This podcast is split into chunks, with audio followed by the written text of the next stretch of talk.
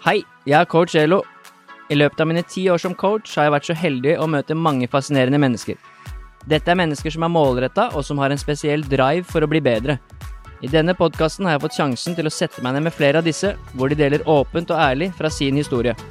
Her deler de både erfaring og verktøy som er verdifulle for alle som ønsker å skape en forandring i livet sitt. Har du et mål eller et ønske om å forandre noe i ditt liv? Da er denne podkasten for deg.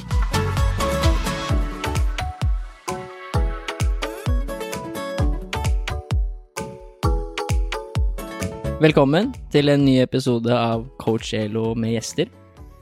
I dag, Det her sier jeg kanskje i hver eneste episode at jeg gleder meg til å snakke med den gjesten her, men eh, her gleder jeg meg faktisk veldig til. Alle episoder er spesielle, men uh, dette er jo faktisk en spiller som har vunnet eh, olympisk gull, blant annet. Det er stort å, å ha med i podkasten, så jeg er glad for at hun stiller opp. Og hvis du følger med på håndball, som jeg vet at mange av lytterne gjør, så vet du hvem den spilleren her er. Hvis ikke, så har du en jobb å gjøre. Og hun heter Amanda Kurtovic, og velkommen. Tusen, tusen takk. Veldig gøy at du har valgt å bli med. Veldig gøy at du har valgt å komme helt til Sandefjord. Ja, for det er det andre. Det er jo ikke bare at du er med, men du har jo invitert meg hjem. Ja, på soverommet til og med. Soverommet til Amanda Kurtovic spiller vi inn podkast. Så det er ikke alle som får oppleve. Men her er du da i huset til deg og Brede, Ja, som er din er forlovet, faktisk. det er det Ja, faktisk. det er ikke bare samboer. Nei. Og han jeg veit jo jeg, jeg er egentlig fra Oslo. Mm. Hvorfor har du, eller hvordan har du fått den med deg hit til Sandefjord? Dere har kjøpt dere hus her? Ja, du, det er faktisk han som eh, ville det. Eh, Det tror jeg han- ingenting på. han er en asfaltgutt, det er han. Men eh, han har forelsket seg i eh, denne nydelige lille perlen i Vestfold. Du er, men du er fra Sandefjord? Ja, oppvokst eh, her. Vi flytta hit når jeg var Var jeg seks år? Mm. Ja. Så dere har jo tenkt å slå dere litt ro her, da? Eller dere har i hvert fall kjøpt hus?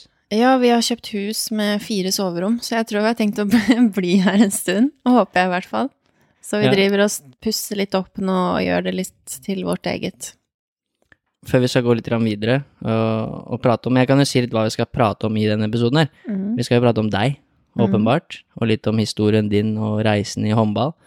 Eh, Hvilke klubber du har spilt i, og litt sånn ting du har opplevd på håndballbanen, og både skader og gullmedaljer og forskjellige trenere videre. Men før det så har jeg litt sånn noen fun facts som, som vi er nødt til å gå gjennom. Okay. Og jeg har prøvd å grave litt Mhm. her og der. Ja. Vi har noen felles bekjente. Så det første jeg vil gjøre, er egentlig å, å henge ut eh, Trine Bronstad. Fordi at uh, det er en venninne av deg, ja, det er det. og jeg kjenner jo Trine godt fra, fra Glassverket. Jeg Mhm. trente henne der i to år, Mm. Uh, og var faktisk i Bosnia i bryllupet med, til Alma, Ja. sammen med Trine blant annet. Så jeg tenkte jeg spørre Trine om hun har noe liksom litt dirty info på Amanda, som jeg kan bruke litt mot deg. Og så svarer hun at hun skulle tenke litt og skulle komme tilbake med noen historier. Hun hadde masse forskjellig og Og så får jeg svar seinere på dagen, da får jeg svar at nei, jeg kommer ikke på noe, eller jeg har ingenting Nei, på Amanda. jeg trua henne, da. Jeg vet ikke. Og så tenkte jeg ok, greit, sånn er det bare, da får jeg ikke noe, da. Og så sender hun melding litt seinere. Og jo, forresten, uh, Amanda er jo fra Balkan, så hun er jo litt hissig i trafikken. Så er sånn, er det, kom igjen, er det det jeg får? Du trenger ikke å være fra Balkan for å være hissig i trafikk. Og så skriver hun etterpå Nei da, jeg har en del historier, men de er faktisk for grove. Både for deg, Ole, og for de som lytter. Så det er noe er det. ja. Men jeg fikk ingenting. ja, det er bra. Det er en ordentlig bestevenninne, det. Syns jeg ikke noe særlig om. Så Trine Bronstad er litt involvert i en andre fun fact nå, fordi du spilte inn en podkast eh, med Alma og Trine. Ja. Er det På benken med Larvik-jentene den heter? Ja, er det ikke det, da? Jo. Jeg har hørt to-tre episoder, de er flinke. Mhm. Så er du interessert i håndball, så, så burde du gå inn og sjekke den ut. På benken med Larvik-jentene. Der er Amanda gjest, Gro Hammerseng har vel vært gjest. Mm. Det er mye håndballfolk, da. Og der, så det er ikke så lenge siden dere spilte inn den, så det passa litt fint. Og der så hadde dere en sånn runde med noe sånn fun facts om deg, og litt sånn guilty pleasures, og det var forskjellige ting. Litt sånn Pinterest og interiør og ting du fulgte på YouTube og sånn. Ja, mye rart. Ja. Men det, det jeg liksom la merke til, var Det var en sånn guilty pleasure på godis, da, eller typ på hva du spiser når du skal på en måte kose deg, da. Mm. Når du skal kose deg på fredag, så er da en av dine guilty pleasures er ostepop. Mm. Og det er greit, jeg kjøper den at eh, ostepop er mange som er glad i det. Men så er din litt mer sånn kompleks. Ja. Det er litt mer Ja. enn at det bare er ostepop. Så jeg skal prøve å forklare, og så får du fortelle hva det er for noe etterpå, for det var ikke, ja, la meg høre, la meg høre. det var ikke bra. Så hvis du skal kose deg på fredag med ostepop, så går du på butikken på torsdag, dagen før. Mm. Så kjøper du ostepop. Og så når du kommer hjem, så åpner du posen, og så heller du det i en skål. Altså på torsdag. Ja. Og så, jeg vet ikke hvor du setter den, men la oss si du setter den på stuebordet, da. så lar du den stå der i ett døgn, Mm. til fredag kveld, når du skal kose deg. Og da blir den jo sånn seig, han blir jo sånn dvask. Det er jo ikke ingen som spiser den dagen etter. Men, Bortsett fra meg. bortsett fra deg. Jeg kan ikke være den eneste. Jeg vet ikke, men eh, jeg syns ikke det er den. Men i hvert fall, det er jo din guilty. Altså, den må stå ute et døgn, fordi da syns du den er best. Ja. Jeg liker jo når den blir litt sånn Du sier dvask, men jeg sier at aromaen kommer frem i ostepopen. Altså, smaken blir jo veldig mye mer tydelig, og så det derre pulveret, det kjenner man mye mer enn at hvis man liksom skal bare knaske det i seg. Så jeg vet ikke. Det er Og så er det bare ekstra digg med et glass rødvin til. Ok, så de involverer rødvin òg? Ja, ja. Det blir jo ost og vin. ja, det er mye med den historien her som ikke er bra. Men dette er et annet spørsmål. Spiser du den med henda eller med gaffel? Nei, med henda. Okay. Ikke så fisefin. aldri med gaffel. For det er sånn guttaregel. Hvis du har Fifa-kveld og skal spise ostepop, så må du spise med gaffel. Ja. Men dere sitter jo med de derre Kontrollen, ja. Ja. Du kan ikke få fett og sånt på den. Jeg sitter ikke med noen kontroller, jeg. Nei, du bare spiser en dag, en dag gammel ostepop som har Ja. blitt sånn, sånn seig. Ja. Deilig. Ja. Ja, det er fint. Og den neste fun facten, for jeg har gravd litt Jeg fikk ingenting fra Brede. Jeg er litt skuffa. Mhm. Men jeg spurte faren din, Marinko. Interessant. Så jeg snakka med han på telefonen tidligere i dag, faktisk. Ja. Og spurte om han kan, han kan hoste opp noen historier om Amanda. Og så sa han ja, jeg kan ta én, da. Han hadde også mange. ja, han Så- hadde vel det. Så det er fra når du var Du skulle spille turnering med ungdomslandslaget. Og så, jeg, jeg er ikke sikker på hvor det skulle, men dere skulle i hvert fall mellomlande i Amsterdam. Ja. Og da sa han at du er over gjennomsnittet opptatt av sminke og hud og kremer og sånn, og du nevnte i innledningen litt med rynker og sånn. Så da sa han at da klarte du, og så var det et par andre spillere, og skulle ut og shoppe fordi at du ville se på masse greier og teste produkter og sånne ting. Miste flyet med landslaget. Fordi Amanda skulle teste hudprodukter og diverse. Ja, det var meg og Maria Homme. Så var det en trener som mista flyet òg. Nei, Eller ja, en var det det? Nei. Nei. Det var Marinko som sa det. Nei, det var meg og enten Maria Homme eller Kristina Homme. Jeg husker ikke. De er jo klin like. Men det var i hvert fall oss to som eh, Vi hadde egentlig kontroll. Vi så på eh, den der eh, billetten, og der står det KL 1430 eller et eller annet. Og da tenkte jo vi klokken. Men det var det jo ikke. Det var jo bare flynummeret. Så det var der vi bomma litt. Så vi hadde egentlig kontroll. Men eh, ja, interessen for eh, hud og makeup eh, gikk litt for langt der, ja. Mm. Og det syns ikke det var så ille, den historien der. Nei, den er jo ikke det. Nei. Han mente at moren din syntes at dette var kjipt, og Ja, mamma syns det er litt flaut, kanskje. ja. Det er ikke det verste jeg har hørt, da. Nei, mamma er jo ekstremt sånn punktlig, da. Så hun er alltid liksom Hvis hun skal til eh, Skal hun se på William spille kamp, eh, så drar hun opp på stadion. La meg, altså, det er ti minutter å kjøre. Da skal hun dra to timer før kampen starter. Fordi hun liksom skal parkere, hun skal opp og hente billetten sin, hun skal ha kopp kaffe, skal finne setet sitt. Så det er liksom Der er vi ekstremt forskjellige. Jeg er litt mer sånn ja, spontan, da. Ja, du drar ti minutter før. Jeg trenger jo ikke se på en oppvarming eller noen ting. Du rekker å sminke deg først, i hvert fall. Det gjør jeg. Ja.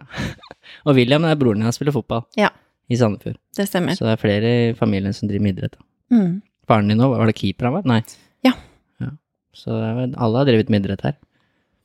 Men eh, før vi skal høre litt mer om historien din, så vil jeg spørre deg litt om akkurat nå. hva som skjer i livet ditt akkurat nå. Eh, fordi nå er det jo EM i Danmark, og der er ikke du.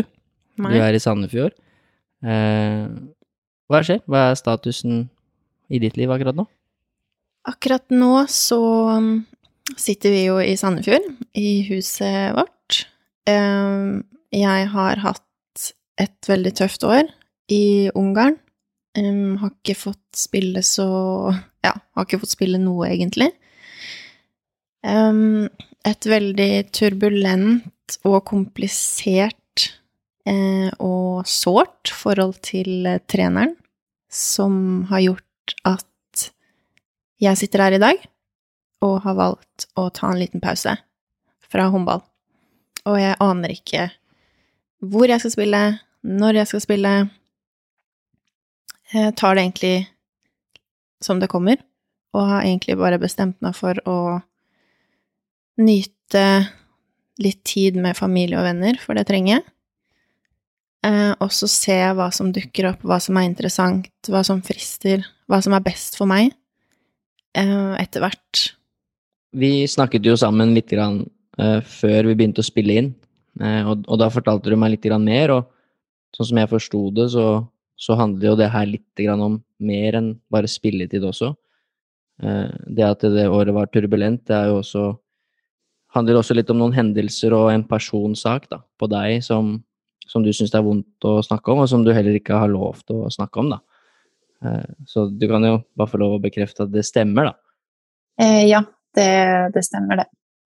For du har, eh, for du har kontrakt med Gjør, Jeg har det. men du har en sånn slags utlånsavtale nå, ut Ja. sesongen. Det stemmer. Men du har ikke bestemt deg for klubb. Nei. Storhamar er ikke langt unna Sandefjord. Par timer i bil, så er du på Hamar. Ja, det, det spørs om rekkevidden på den bilen min klarer det. Du fikser deg en lengre rekkevidde. enn Tesla? På Ja, Tesla. Da kommer du til Hamar.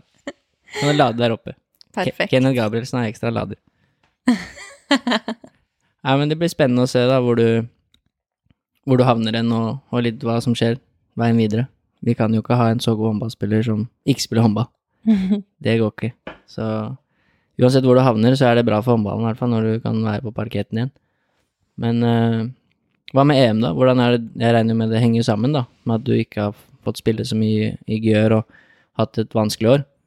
Så blir det kanskje tøft nå som det er så mange tilgjengelige også for det norske landslaget. Det er jo mange spillere på, på den posisjonen nå som er tilbake og Ja, det er klart det er vanskelig å ta ut en spiller som ikke har spilt i det hele tatt. Jeg føler på en måte at jeg har blitt litt snytt for, for plassen, fordi jeg ikke har fått vist, eller jeg har ikke fått konkurrert eh, om det. Eh, for det er vanskelig å forsvare en plass fra benken. Og jeg har 100 forståelse for at det ble som det ble. Og eh, når det først er som det er, da, så er jeg veldig glad for at jeg er hjemme med familie og venner. For det er akkurat det jeg trenger nå. Jeg følger jo med på alt, ser alle kamper og syns at det er veldig gøy at Norge gjør det så bra. Og jeg syns jo at de er jo klare gullfavoritter, altså vinner ikke mesterskapet, så det er jo en skandale, fordi de er så mye bedre enn alle andre. Ja, dem er favoritter. Mm. Det er et par lag i den andre pulla som kan være sånn Russland og Frankrike, som du aldri helt veit hva som skjer med. Ja, de kan jo gi de kamp, men jeg tror at eh, hvis eh, Norge får det beste ut av hver enkeltspiller, så har ikke noen andre sjans i det hele tatt. Nå er jo Katrine også tilbake. Det er imponerende. Det er en helt annen historie, men imponerende at eh, hun er der i det hele tatt nå, i den situasjonen der. Og Ja, det sier jo bare litt om den mentale kapasiteten hun har, og ja, hva slags menneske hun er, da. Så er det kult å se, selv om det er på din posisjon, da, så er det kult å se at eh, Nora og et par andre som har slitt med skader lenge, da, en, Ja. endelig spiller håndball igjen. Veldig. Så det er kult å se. Mm. Men du er i hvert fall i Norge, og du har det fint, selv om du på en måte ja, har hatt et tøft år og, og ikke er å spille EM, så har du det bra. Ja, veldig. Får du trent nå? Ja. Eh, Jeg tok meg en liten pause når jeg måtte sitte i karantene når jeg kom hjem fra Ungarn.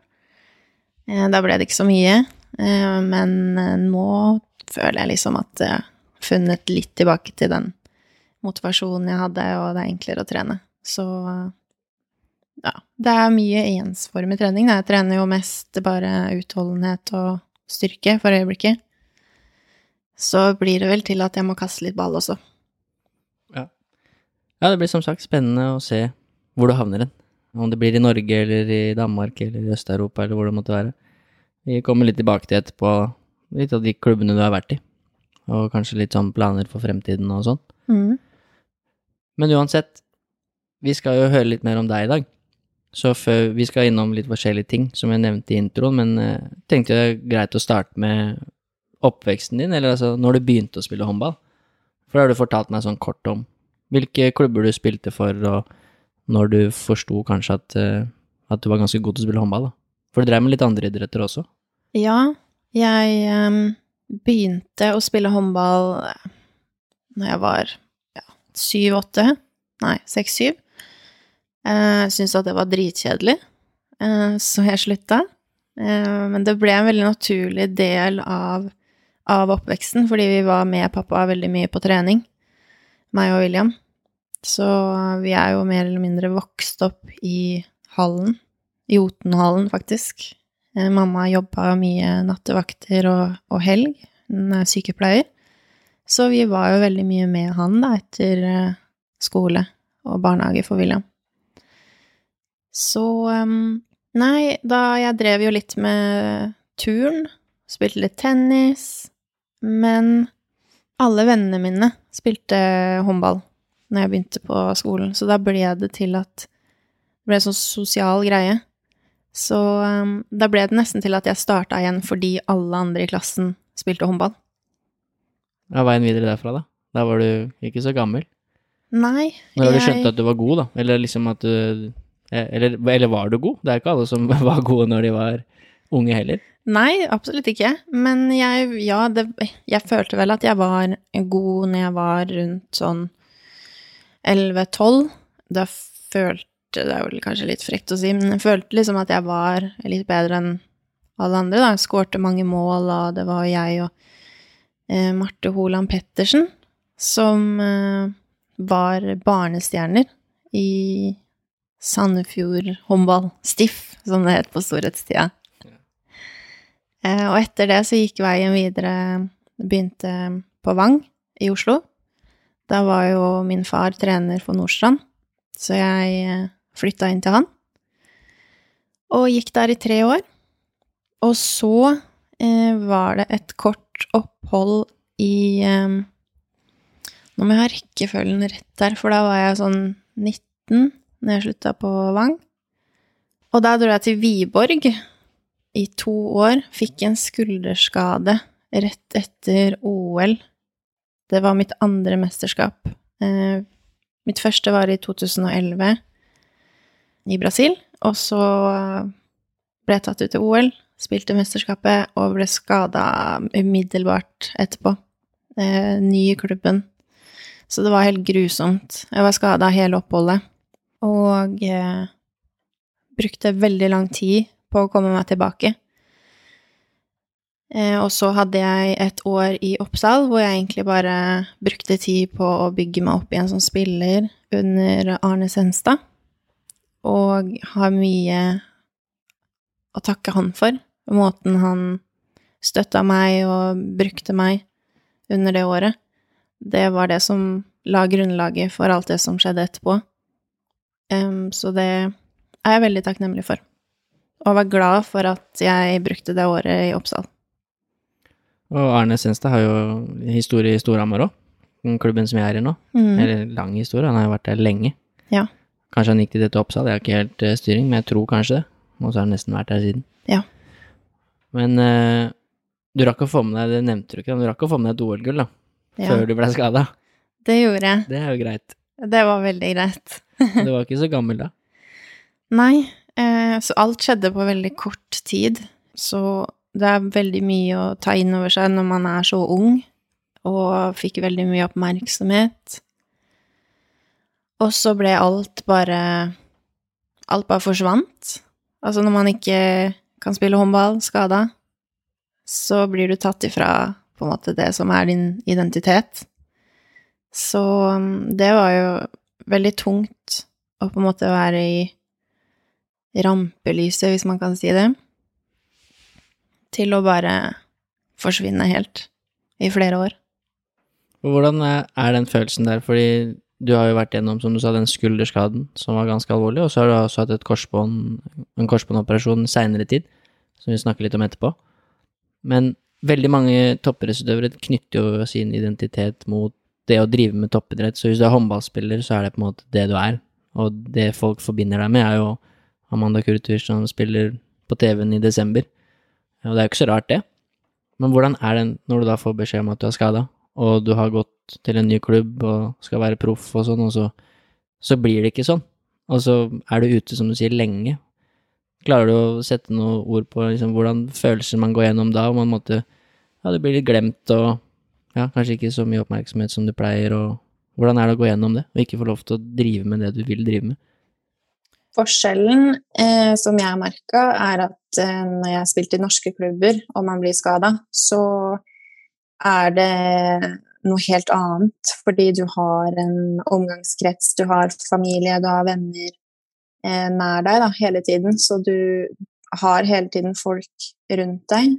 Mens kontra utlandet, da, hvis det samme skjer da, så føler man seg, eller i hvert fall jeg, da, følte meg ubrukelig. Fordi du kommer dit for en grunn, og så kan du ikke gjøre det. Og så føler du føles liksom Jeg følte meg mislykka. At du ikke kan gjøre jobben din, det du faktisk bare kommer for å gjøre. Så eh, det er utrolig eh, vanskelig. Eh, I hvert fall vært det for meg.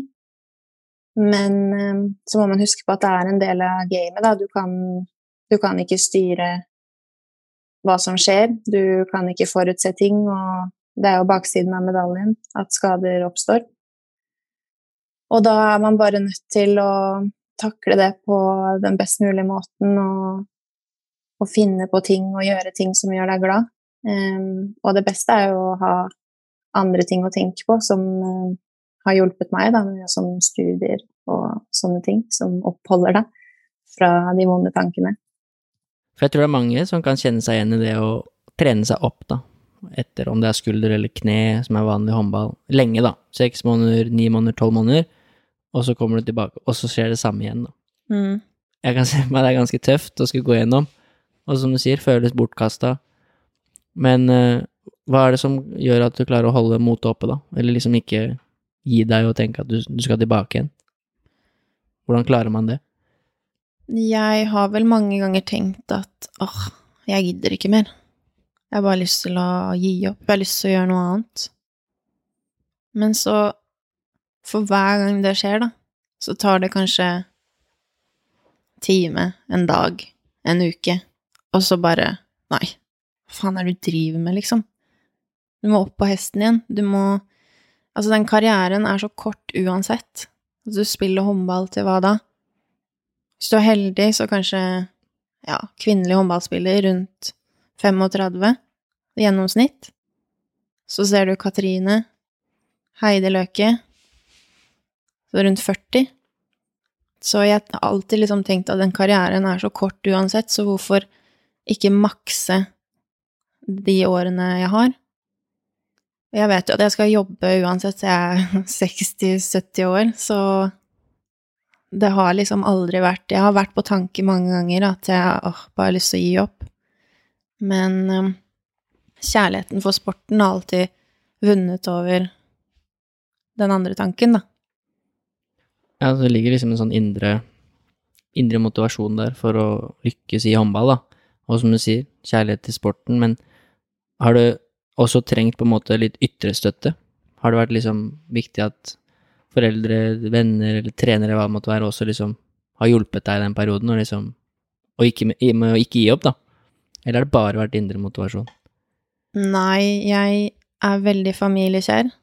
Jeg er jo, ser på meg selv som avhengig av min familie.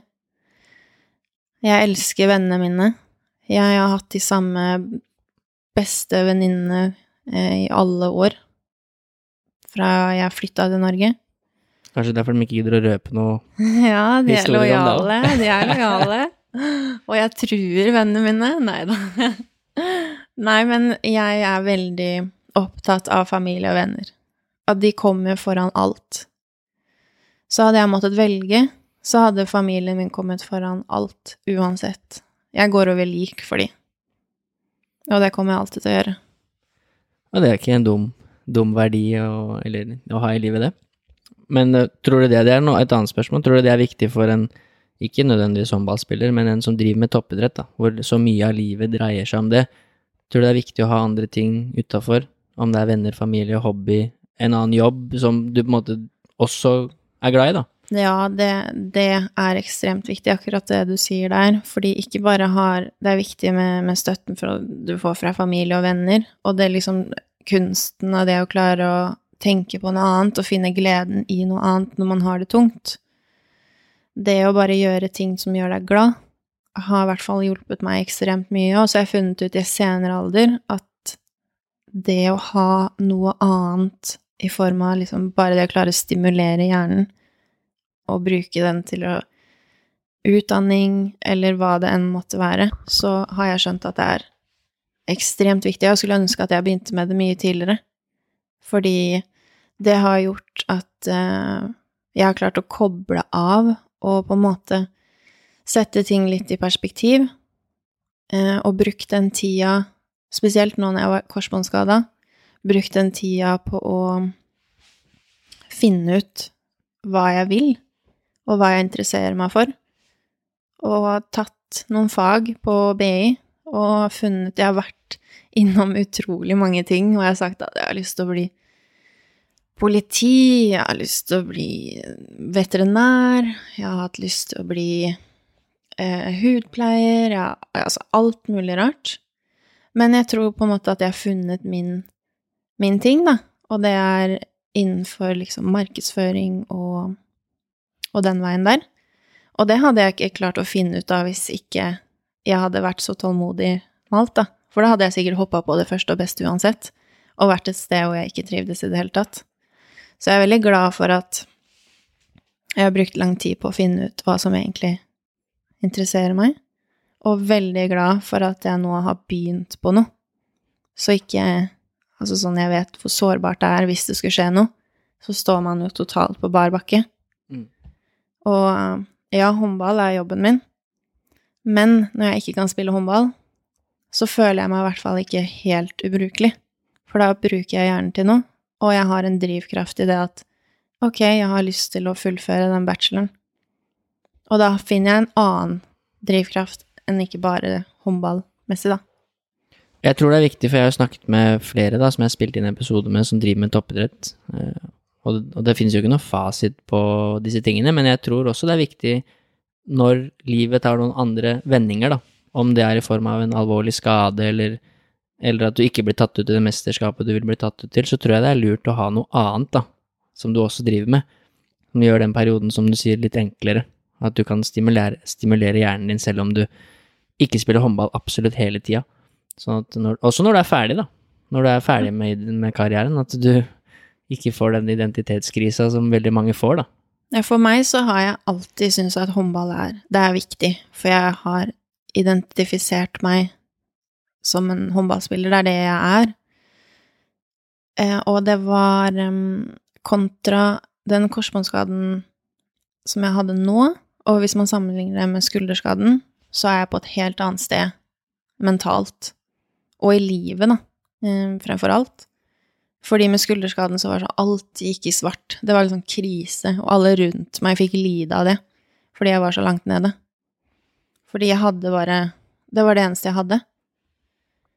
Men nå så føler jeg at um, jeg klarer på en måte å sette ting litt mer i perspektiv, og håndball er selvfølgelig viktig, men det er, det er ikke det viktigste for meg. Og jeg klarer å finne gleden i andre ting. Og det viktigste for meg er uansett at jeg er frisk, familien min er frisk, og at vi har det bra. Tak over hodet og altså de tingene man kanskje tar litt for gitt. Men det har ikke noe å si i det store og hele bildet om jeg har en brekt arm, så lenge jeg er frisk. Og kanskje spesielt i den eh, tida vi lever i nå, som har vært et vanskelig år for mange. Ja, det setter ting virkelig i perspektiv òg.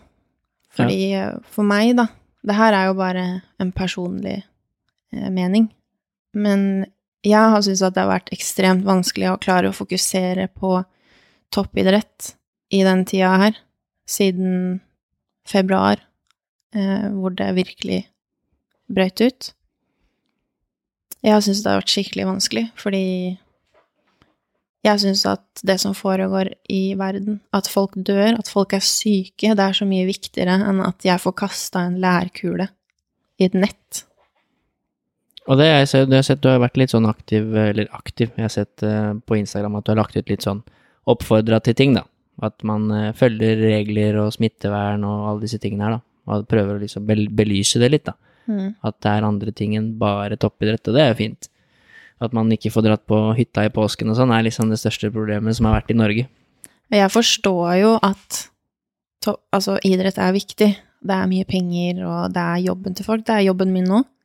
Men øh, jeg syns at det er viktigere at øh, mennesker er friske, og at vi klarer å forhindre, eller ja, at færre dør av den sykdommen.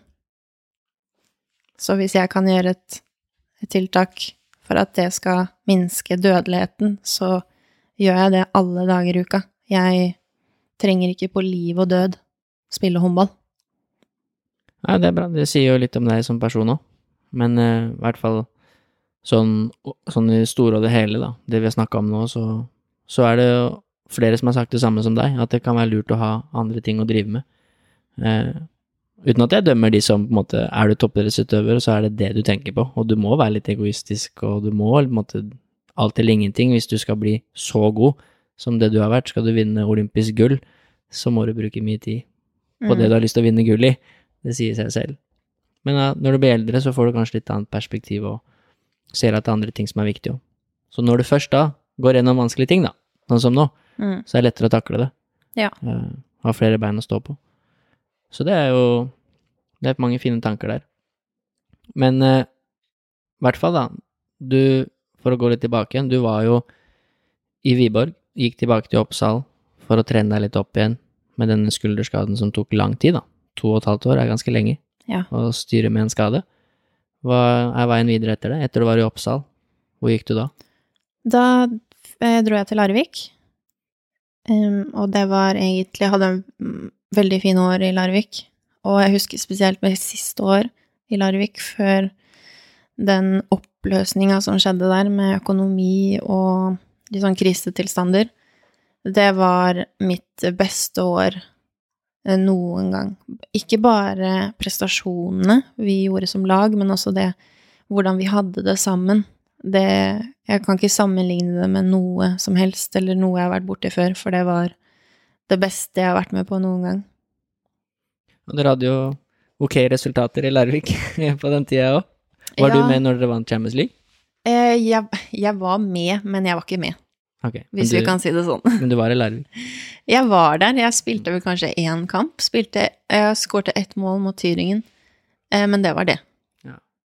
Da, men var, da hadde du kanskje akkurat kommet tilbake, da, fra skade og sånn? Ja, jeg husker ikke. Det er veldig detaljert, men eh, jeg sier ikke at jeg har Champions League-gull. For jeg føler jeg, Det var jo ikke delaktig. Så um, det er ikke rettferdig å si at jeg har vunnet det. Det er litt mange som følger på det, tror jeg. Når ja. det er med et mesterskap, du vil du bidra. Ja, som absolutt. Ikke sitte på benken og få gullet, på en måte. Mm. Men du har Champions League-gull. ja, det er jo det Wikipedia sier, da, så da får vi si det, da. ja, men jeg skjønner hva du mener. Men jeg husker det, dere hadde bra lag i Larvik. Jeg var jo en del av glassverket på den tida. Som da i hvert fall et år eller to var liksom Var jo ikke noe utfordrer for dere egentlig, men var i hvert fall nummer to i Norge, da. Jeg husker at du var uh, umulig å ha med å gjøre et par sesonger der. ja, Klarte det var, liksom aldri å komme opp. Det var de siste årene hvor jeg virkelig følte at jeg uh, eh, blomstra. Og Men det var jo fordi jeg spilte på et lag hvor vi hadde fokus om å vinne kampene sammen, og ikke på enkeltprestasjoner. Og vi kommuniserte, og vi liksom satte opp taktikk sammen, og vi snakka, vi hadde liksom Vi kommuniserte på alle plan, og vi tilpassa spillet til hver enkelt spiller, og vi snakka sammen og sa, vet du hva, nå Jeg liker den aksjonen best. Ja, da kjører vi den nå. Hva vil du kjøre? Og det var liksom Vi fikk ut maksimalt av hver eneste spiller. Og det var eh, Vi vant, vi var jo underdogs mot alle Champions League-klubbene, og vi hadde en drittdårlig start. Første halve året var Det var skandale. Vi tapte mot uh, CB Hoff, og vi tapte mot ja, alle mulige lag som vi skulle vunnet mot. Og så bare snudde det i, når vi begynte igjen i januar, og uh, avslutta med Vi vant jo mot Bucuresti borte, og vi spilte uavgjort mot Gjør, og vi gjorde det umulige, men vi gjorde det sammen. Og da var det jo nesten bare norske spillere, var det ikke det? Jo, vi hadde en uh, polakk på venstrebekk, Alina, Ja, stemmer. og Sandra i mål, da, selvfølgelig. Ja, Sandra, sånn Toft Mm. fra meg fra Danmark. Ja. Men det er litt, litt sånn som Vipers er nå, føler jeg. Eller sånn, det er, det er mest norsk, da. Og så er det et par utenlandske her og der, men det er mye Norge og nesten litt eh, halve det norske landslaget. Sånn var det med Larvik òg, en Ja. periode. Så var jo samspilte og spilte jo sammen overalt. Ja, forskjellen var at alle de som er på Vipers nå, er jo aktuelle for landslag og spiller for landslag. Mens i Larvik, det siste året som jeg spilte der, så var det mange som hadde gitt seg på landslaget. Så var veldig mange eldre. um, nei, men ja. Topp. Topp år noensinne for meg. Der pika karrieren. Ja, vant til serien, husker jeg. Vi, vi slo dere to ganger med Vipers, så vi var veldig fornøyd med det, da. Ja. At vi liksom fortsatt slo Larvik når, når dere var på en måte på topp. Men Mm. eh, den kampen vi slo dere, så var du skada, så det var fint. ja Du sikkert satt, derfor. du, satt, på- du satt på tribunen i hvert fall, når vi slo dere i, i Larvik. Ja. Men ja, dere hadde bra lag, så det var en kul, kul periode. Det var, Larvik var god i mange år. Mm. Og nå er det Vipers, Nå er det Vipers. så hvem er best? Vipers på topp eller Larvik på topp?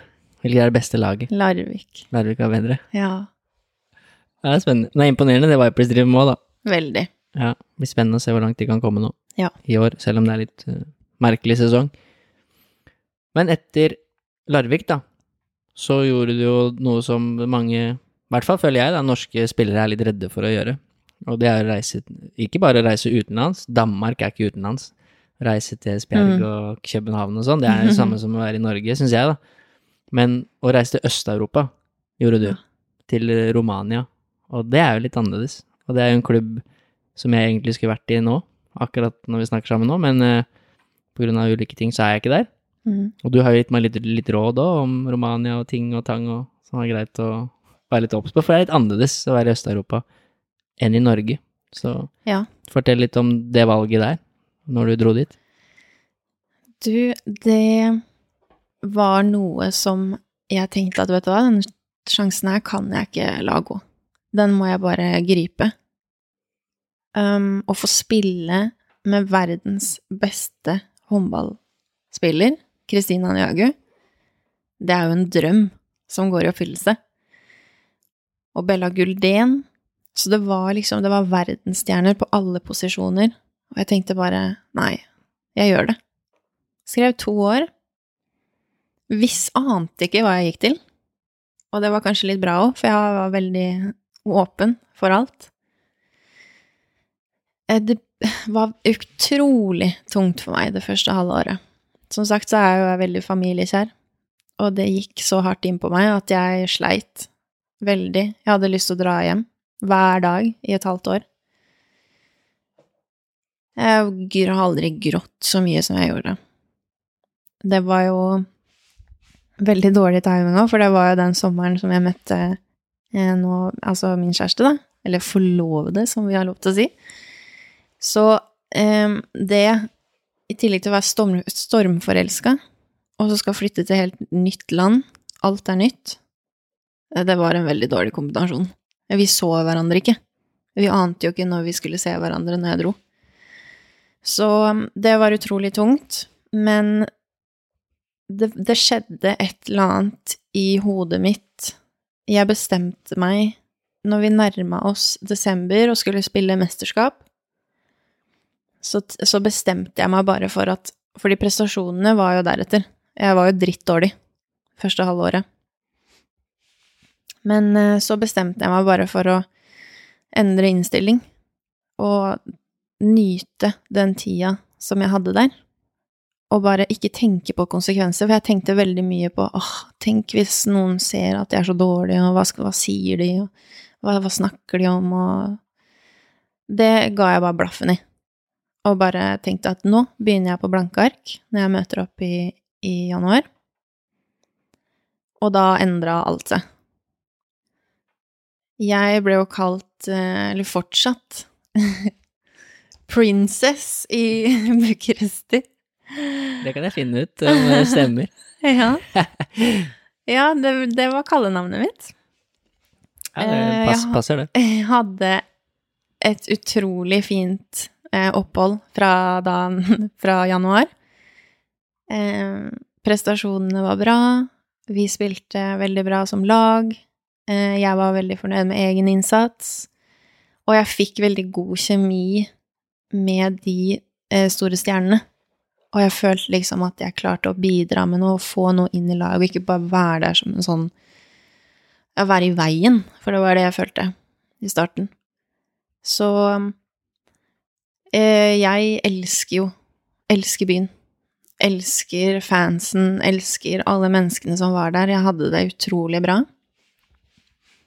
Og så eh, var det litt trøblete der, da, med økonomi og sånne ting. Det gikk noen måneder før vi fikk lønn, em, og litt sånt grums som skjedde bak kulissene. Og så fikk jeg et eh, tilbud fra Gjør, som da er eh, regjerende Champions League-mestere.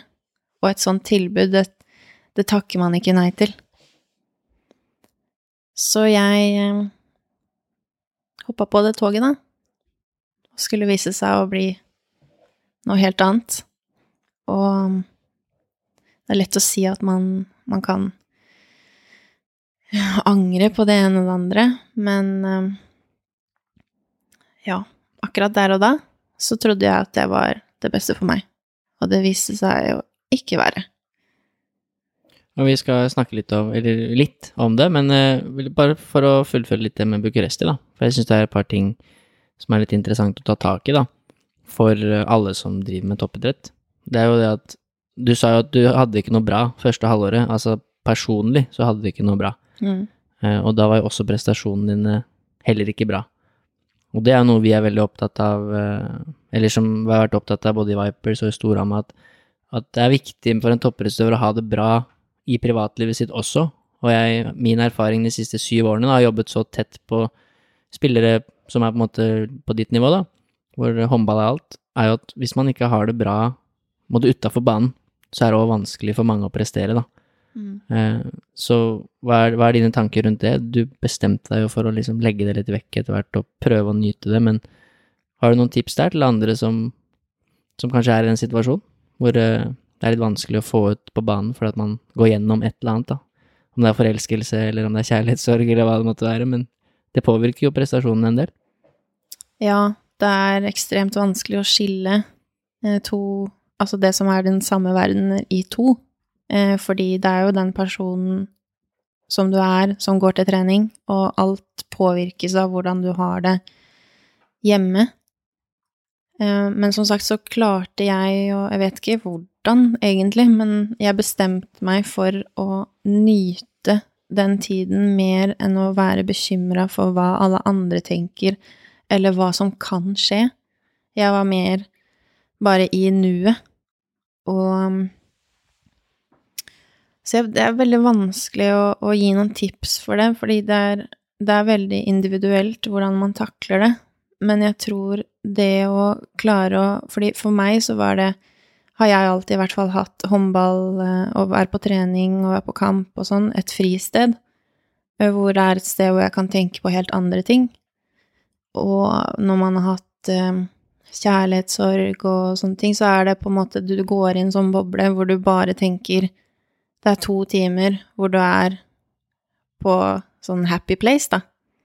Hvor du føler deg komfortabel, føler deg lykkelig.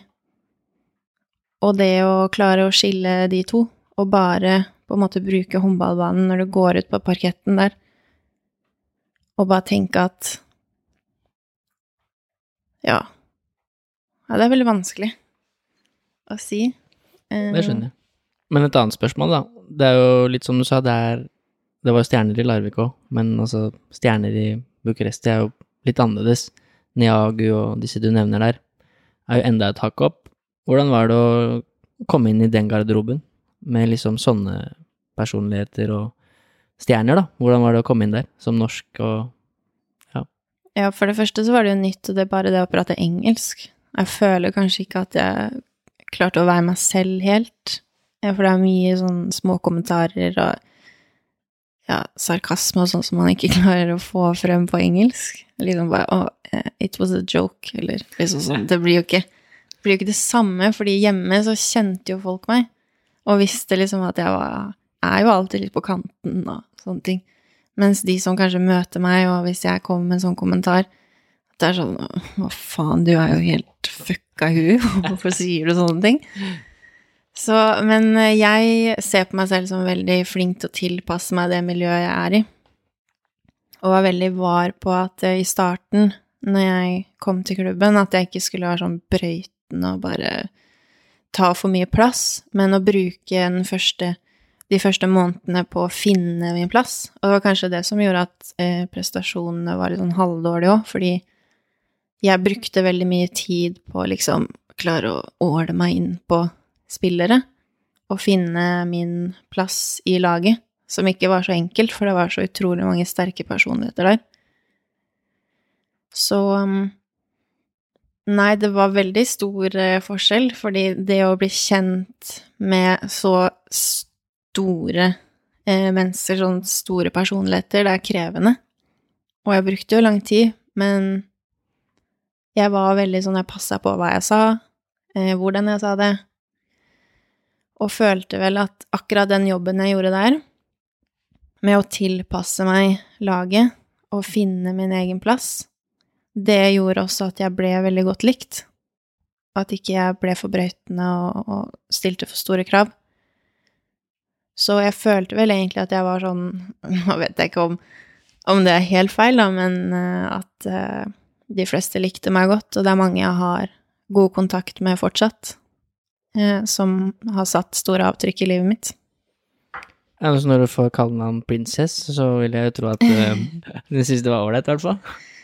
Ja, jeg Det er morsomt da når man reiser rundt sånn og møter så mange forskjellige mennesker. Og så er det så fascinerende, fordi mange ganger Altså, tenk hvor mange mennesker du egentlig møter da, i løpet av et liv. Og i hvert fall når du spiller på lag òg, så er det liksom Du er involvert med 20 spillere. Kanskje flere òg. Og mange av de ser du aldri igjen. Kommer aldri til å prate med igjen. Eller ha noe med å gjøre. Mens andre tar det med videre og har sånn jevnlig kontakt med. Og noen blir liksom hjertevenner. Så det er veldig fascinerende å se liksom å følge med på den reisen av hvor mange man egentlig Som var så store deler av livet ditt i en periode, som bare forsvinner plutselig. Ja, sånn er det å drive litt med lagidrett. Mm. Jeg har kjent på det selv. Litt med lagidrett eh, både sånn utøver sjøl, men også som trener, da. Så det er som du sier, du møter mange. Men eh, ja. Sånn var det for eksempel for meg i Vipers. Jeg var jo fire år med noen hver dag Ja. til å aldri snakke med dem lenger. Så det er jo litt rart. Ja. Men har du kontakt med noen av disse stjernene i Bucuresti enda, da? Er det noen som har blitt eh, gode venner eller venninner? Mm, ja, eller gode, gode, men at man har Man kanskje sender en SMS i ny og ne og spør hvordan vedkommende har det. Eh, og så følger man jo med, får jo med seg ganske mye på sosiale medier og sånn fortsatt, da. Og det er jo fordelen eh, med akkurat det. Men eh, ja, absolutt. Jeg eh, sender har, de, har noen på Snap, og, og vi sender litt meldinger på WhatsApp og sånn i ny og ne. Det er jo ikke så ofte. Men eh, kanskje. Har kontakt i hvert fall med noen av dem. Men eh, siste spørsmål der, da, på, på Bucuresti. Hva er den største forskjellen da på norske garderoben? Ja, dere hadde en polakk og en danske i Larvik, men det er en norsk garderobe kontra ja, Romania, hvor det er eh, mange som er fra Øst-Europa, blant annet. da. Du, det er ikke så stor forskjell på garderobepraten. Den er stort sett lik. Men det jeg merka veldig stor forskjell på, var at i Larvik, for eksempel, så fant vi jo veldig mye på Altså, vi fant på ting sammen etter trening, og vi var veldig mye sammen. Mens i Bucuresti så var det sånn at du kom på trening, det var kollegaene dine, du var på jobb, og så hadde de sine egne liv, som de dro hjem til. Eh, så man var jo ganske mye alene. Men eh, jeg var jo heldig som var der eh, med Marit Malm første året. Og så ble jeg veldig nærme Sabina Jacobsen, svensk spiller, og Nathalie Hagman. Så vi var noen skandinavere der som, som jeg var heldig å, å, dele oppholdet med. Hvis ikke så tror jeg det hadde vært enda vanskeligere, for da hadde jeg vært alene konstant. For det er liksom De har jo sine egne liv, sine egne familier som de har, venner, omgangskrets. Og Men jeg var jo med på Jeg ble invitert et par ganger og se noe fotballkamp og, av, av Chris og var med med Switch og Ja. Ja, jeg tror jo Jeg tror det der er en av de grunnene til at mange er litt sånn redde for å reise til Øst-Europa. For det er jo mange lukrative tilbud, og jeg veit jo mange norske spillere som har fått tilbud fra disse klubbene, men som takker nei, da. Og jeg tror, jeg tror at noe av grunnen er litt det. Man er litt redd for å komme ned dit, være alene, da. Mm. Sånn som i Gør er jo halve laget er jo fra Norge. Ja. Så jeg kan jo se for meg at det hjelper litt at man ja, har så mange både fra Norge og Skandinavia og, ja. som er litt mm, like, da. Det jeg tror er viktig, er at man er moden nok hvis ikke så kan det bli ekstremt vanskelig. Det å være trygg på seg selv, og det å klare å være alene og være og trives i eget selskap, tror jeg er ekstremt viktig. Og det, var, det har alltid jeg vært, men kanskje vokst med oppgaven nå. Altså, jo eldre jeg er blitt, desto mer trives jeg i mitt eget selskap, og er ikke så avhengig av andre enn det jeg var før, da. Så det å være moden nok når man drar til Øst-Europa, det tror jeg kanskje er en nøkkelfaktor i det å klare å lykkes. For eh, det blir vanskelig hvis man, sånn som jeg hadde det eh, første halvåret da Jeg følte ikke at jeg var moden nok til å dra. Det var så mange faktorer som spilte inn negativt på meg. Men jeg tror at den innstillingen, den endra alt, da. Sånn i ettertid nå, da, hva eh, hva tenker du om det valget, at du dro til Bucuresti? Er det noe du er glad for at du gjorde? Fordi du vokser jo som person, du går gjennom noe som gjør at du, du vokser jo som person på en eller annen måte, i hvert fall. Ja, jeg er utrolig glad at jeg gjorde det, og det er mange ganger jeg kan sitte og tenke sånn Faen, jeg skulle gjort det før. Men jeg følte meg ikke klar, og det tror jeg er veldig viktig at man føler seg klar til det, for jeg så jo hvor tøft det var, og det traff meg jo hardt i trynet når, når, jeg dro og kom ned og så hvordan det var. Um, så ja, det er alltid to sider av det. Jeg skulle ønske at jeg kanskje var litt mer klar tidligere, for det er et eventyr. Det er klisjé å si, men det er det. Det er uh, annerledes. Men du vokser så sykt som eh, person, og du lærer så mye om deg selv som jeg aldri hadde lært hvis ikke jeg hadde tatt det steget. Nei, da, så er det jo som du sa i stad, at karrieren er jo ikke så lang heller. Og for noen, så man veit jo aldri med håndball, det er en tøff sport. Det er mye, det er mye skader, og dessverre har man jo ja, noen for eksempel T-mørk, da man har noen som på en måte ja, må gi seg tidlig på grunn av skader. Så kanskje det å også, ja, må gamble litt og gripe sjansen også, når du kan. Ja, det tror jeg er ekstremt viktig også. Bare tørre å, å gjøre det men samtidig føle at man er klar mentalt. For hvis man ikke er klar mentalt, så kommer ikke prestasjonen til å være bra uansett, og da blir oppholdet dritt. Så det er en balansegang der. Ja, og det viser jo litt fra Man ser jo mye fotball, der er det enda mer vanlig å reise til utlandet. Det er mange som reiser ut som har vært kjempegode i Norge, men som ikke får det til. Mm. Og jeg tror disse tingene som du snakker om nå, gjelder for alle. At uh, man ikke kanskje er helt klar over hva som venter. At du er mye aleine, og det eneste du gjør etter trening, er å sitte og spille PlayStation, og du får på en måte ikke Ja. Jeg tror man undervurderer det, og eh, man, man, Det er så lett å bli frista at liksom Å, masse penger. men man undervurderer den biten med å faktisk ha det bra, både med deg selv og alt som skjer rundt. Fordi har man, har man det ikke bra, så klarer man ikke å prestere på banen heller. Det er i hvert fall ekstremt sjeldent. Da Ja. Det har, ikke, det har ikke jeg opplevd før, i hvert fall. Jeg er veldig avhengig av det. Det tror jeg flere. Men det er i hvert fall gøy å se at det er en del norske spillere som er ute og gjør det bra, da. Eh, ikke bare, både i, bare Danmark, men også i, i, andre steder av verden. Men eh, du gikk jo da fra Bucuresti til Gyør. Og da var jo Gjør det beste laget i verden. Det er det vel strengt tatt enda. Ja. Eh, men det ble jo ikke helt som du hadde tenkt. Men Nei. da var du jo enda mer moden og enda mer klar, kanskje, egentlig, for den oppgaven. Ja. Jeg visste jo absolutt hva jeg gikk til. Um, presset var jeg vant til, fordi det hadde jeg opplevd under to år i Romania, så det var ikke nytt for meg i det hele tatt. Men jeg fikk jo en skade et halvt år før kontrakten min skulle starte, som gjorde det veldig fikk en veldig vanskelig start. Og i Ungarn så er det tydeligvis, har jeg fått høre, vanlig å spille etter seks måneder. Så det var ikke så veldig godt mottatt at um, jeg skulle bruke lang tid og være nøye i opptreninga. For i Norge så I hvert fall den legen som opererte meg, sa at uh, det er forbudt å gå ut på banen før det har gått ni måneder, altså på kamp. Og det Jeg er jo lojal, så jeg lytta på det, og det var jo de som hadde operert meg, og Så det ble en veldig turbulent start for min del, som har prega egentlig hele oppholdet frem til nå. Og da er det jo, det er jo korsbåndskade du snakker om nå, mm. eh, som du fikk. Eh, og du gjorde jo da ca. halve den opptreninga i Gjør. Og det er jo litt det neste Du får se hvor mye du kan si om det, da.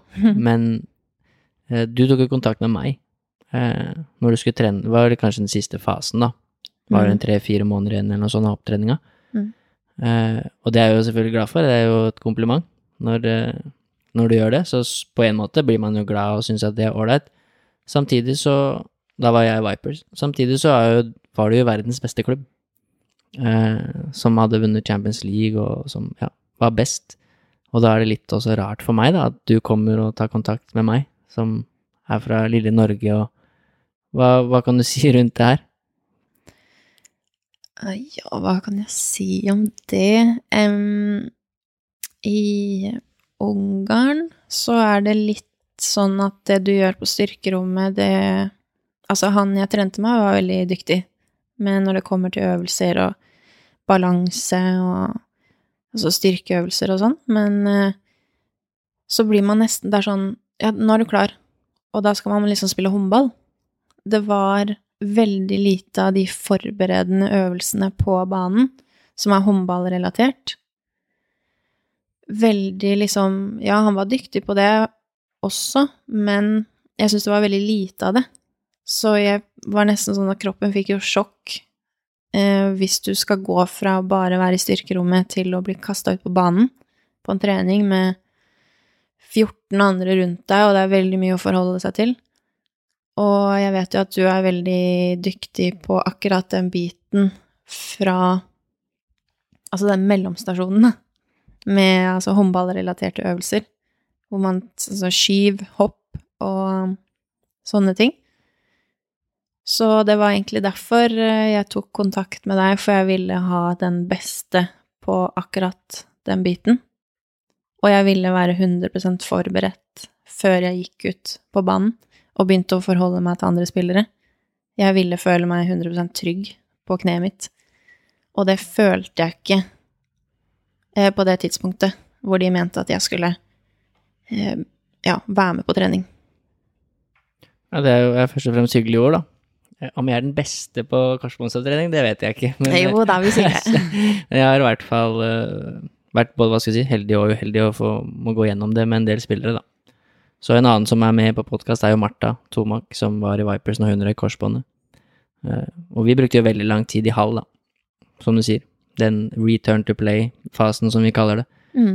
den som du sier Hvis man kan gi et tips da, litt sånn eh, til de som eventuelt lytter, er jo det som du sier, at den overgangen er det viktig å ikke glemme, da. hvis du liksom på en måte er godkjent da på disse styrketestene, og du har nok eh, kraft i kvadriceps og sånn, så er du likevel ikke klar for å spille håndball. Du må gjennom en fase der òg, som du sier, da.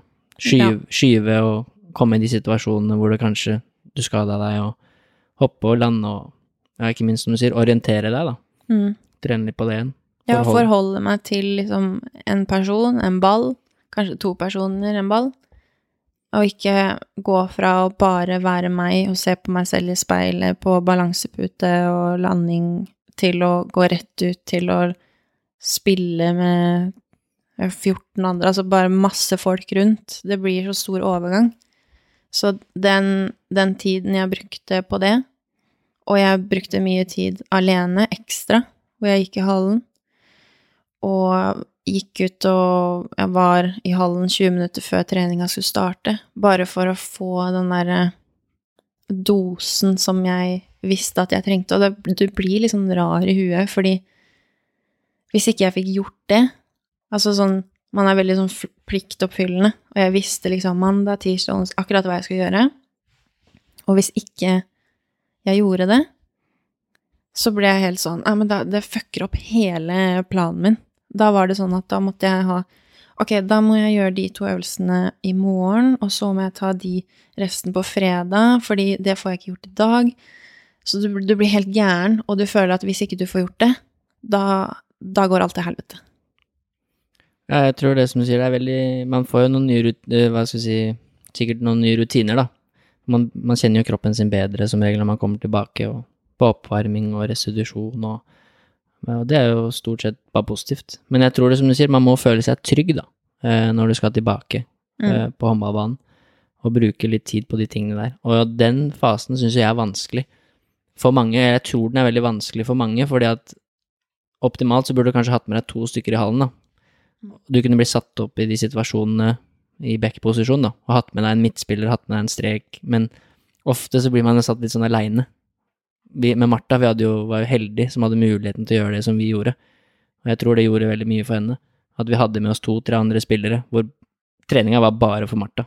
Det var bare for at hun skulle komme tilbake, og ikke de andre var bare liksom var der for henne. Og det er ikke så lett å få til ofte, da. Men jeg husker du var veldig dedikert i en periode her. Du sendte mye videoer og Ja. ja. masse videoer av Amanda. Så. Ja, men det var liksom viktig for meg. Gjør jeg det riktig? Uh, hvis ikke, så må jeg rette på det umiddelbart. Så det var veldig viktig med bekreftelse og underveis. Og du hadde fine bevegelser. Eller det har du på banen, da. Som, som jeg tror er veldig viktig. At man har kontroll på bevegelsene sine. Og, og de ja, situasjonene som man ofte blir satt i på håndballbanen. Da. Så bank i bordet er du fortsatt skadefri, og det er gøy. Bank i bordet. Kult å, kult å se deg tilbake igjen. Man blir jo litt sånn, i hvert fall for meg, de man følger opp, man, man vil jo Man følger jo med litt ekstra. Ja. jeg så jo noen Gjør-kamper og sånn der, for, bare for å se når du kom tilbake, om, om det gikk greit og ja, du får vel sikkert litt sånn eierskap til det. At uh, du har vært med på prosessen og Ja, man vil jo at spillerne skal lykkes, og man, man holder jo pusten hver gang man, Ja. for at det ikke skal skje noe. Ja. Ja, så, ellers så tror jeg ikke det er noe vits å holde på med det, hvis man ikke Nei, jeg husker jo at eh, Håvard Moxnes, som, eh, som har vært min fysio eh, under hele opptreninga Fantastisk fysio. Han, eh, han sa til meg at det er liksom de første det tre månedene etter at man kommer tilbake, at eh, risikoen for ny skade er veldig stor. Og jeg husker jeg var jo dritnervøs. Det var sånn Det var en seier i seg selv når jeg hadde klart å komme gjennom treninga uten noe nytt. Så ja, man blir jo veldig opphengt i detaljer hele veien. Og man blir nesten litt sånn Man blir litt sånn rar av det her. Nei, Håvard, Håvard er flink. Ja, Han, han, er eh, utrolig dyktig. Har jeg samarbeida mye med og gjør fortsatt, da. På de som er så uheldige å, å skade knærne. Det er litt Mm. sånn, Han er veldig flink på akkurat det. Sikkert andre ting òg, men det er kneskader jeg har samarbeida med han med, da. Men eh, vi skal gå litt videre, men hva er det ditt tips da, til de som er så uheldige å få en korsbåndskade? Hva, hvordan skal man komme seg gjennom den? Fordi det er vanskelig. Man veit at det er et år. I hvert fall i, kanskje ikke i Ungarn, da, men i Norge. ja. I Norge er det et Ungarn år er til. seks, seks måneder. Seks måneder, ja.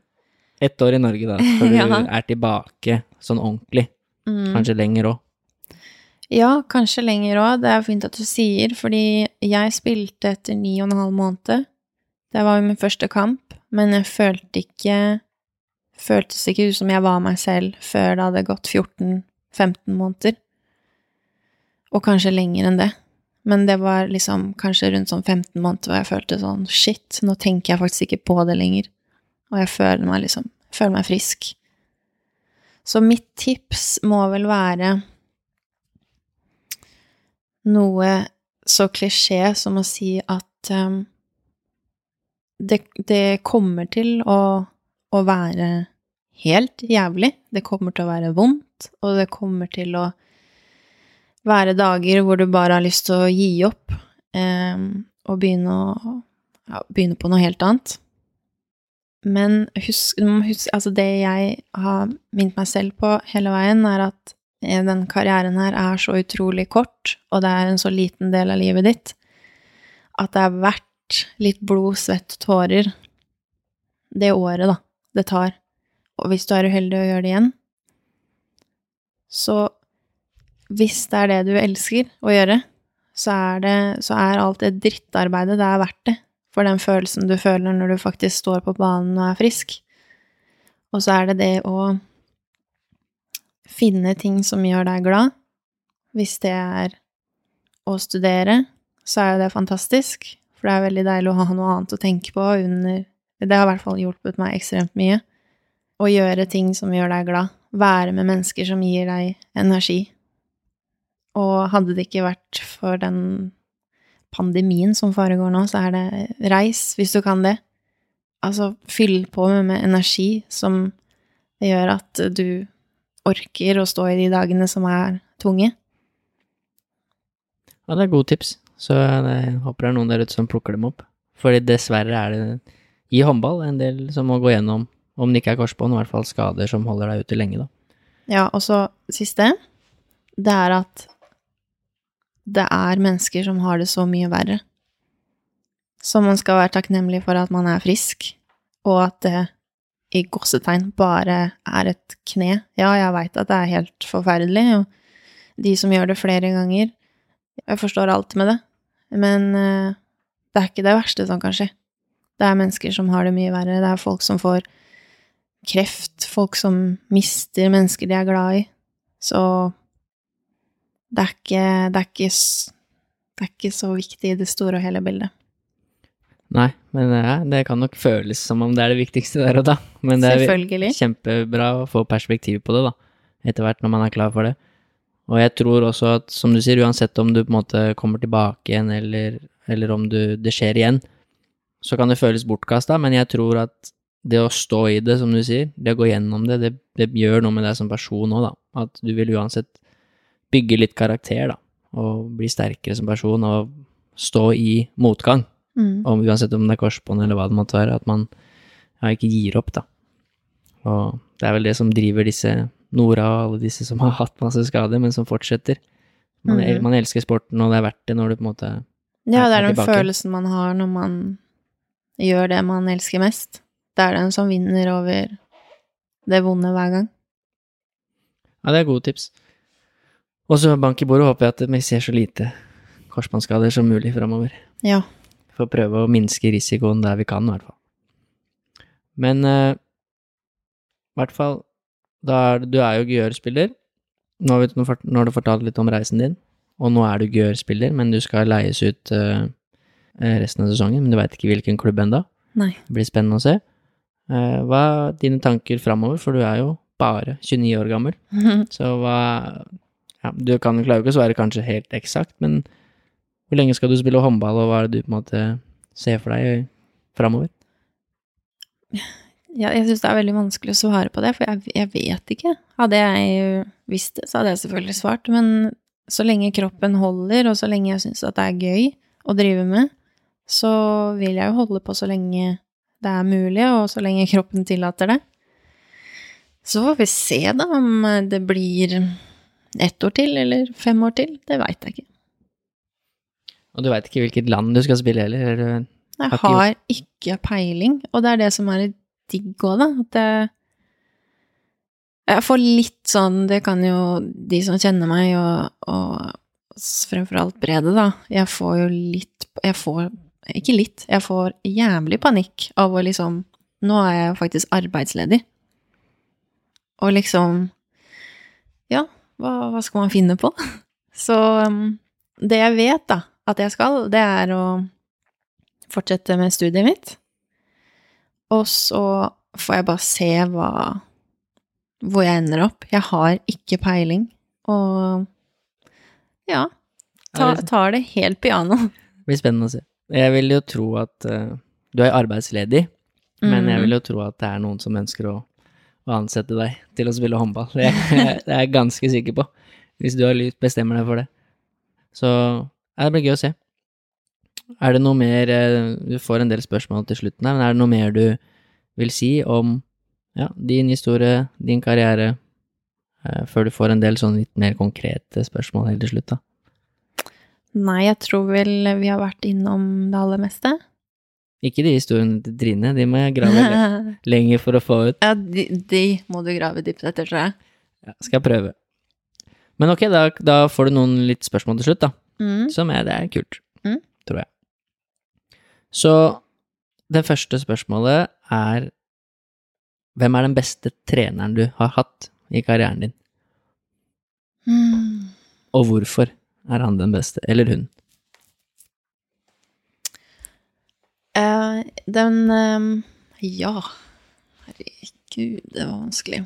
Jeg har jo hatt et par trenere opp gjennom åra. Men den som på en måte har eh, satt størst avtrykk hos meg, er vel Arne Sønstad. Fordi den perioden av livet mitt var veldig tung, men han Han uh, slutta aldri å tro på meg. Selv om jeg var, dri jeg var dritdårlig. Men jeg hadde jo vondt i skulderen, og det, jeg visste liksom ikke om det kom til å bli bra igjen, for jeg spilte veldig lenge med vondt i skulderen.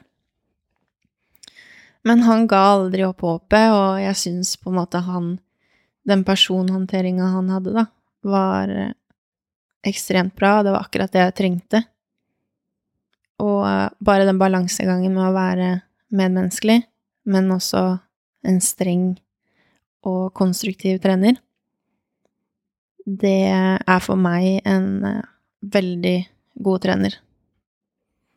Så Arne Senstad, han, eh, han er jo hva Er det, er det Polen han er nå? Mm. Det blir kult å se hva han får til med Polen. Han hadde jo litt uh, trøbbel med korona mange som var smitta før mesterskapet, halve troppen. Ja, men veldig uheldig med skader og smitte, og jeg tror at prestasjonen hadde vært helt annerledes hvis han hadde hatt en, eh, en, litt annen inngang og hatt sine beste spillere på laget. Men i hvert fall, det høres ut som en trener som i hvert fall for deg i den perioden var veldig bra. Det å føle at du blir sett, da. Og ikke Mm. minst eh, trodd på. Ja. At det på en måte er noen som tror på deg, selv om du kanskje ikke er på ditt beste akkurat der, da. Ja. Det er en bra trener, tror jeg. Uh, beste lagvenninne, da. Og da er det ikke beste spiller jeg tenker på, men altså Nei. beste lagvenninne. Så kan du jo definere det hvordan du vil. Jeg eh, Jeg syns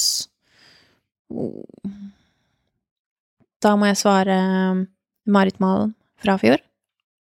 Fordi jeg opplevde veldig mye med Marit. Både oppturer og nedturer. Hun betyr veldig mye for meg. Og hun var der både Vi var sammen i Wiborg, vi var sammen i Larvik, og vi var sammen i Bucuresti.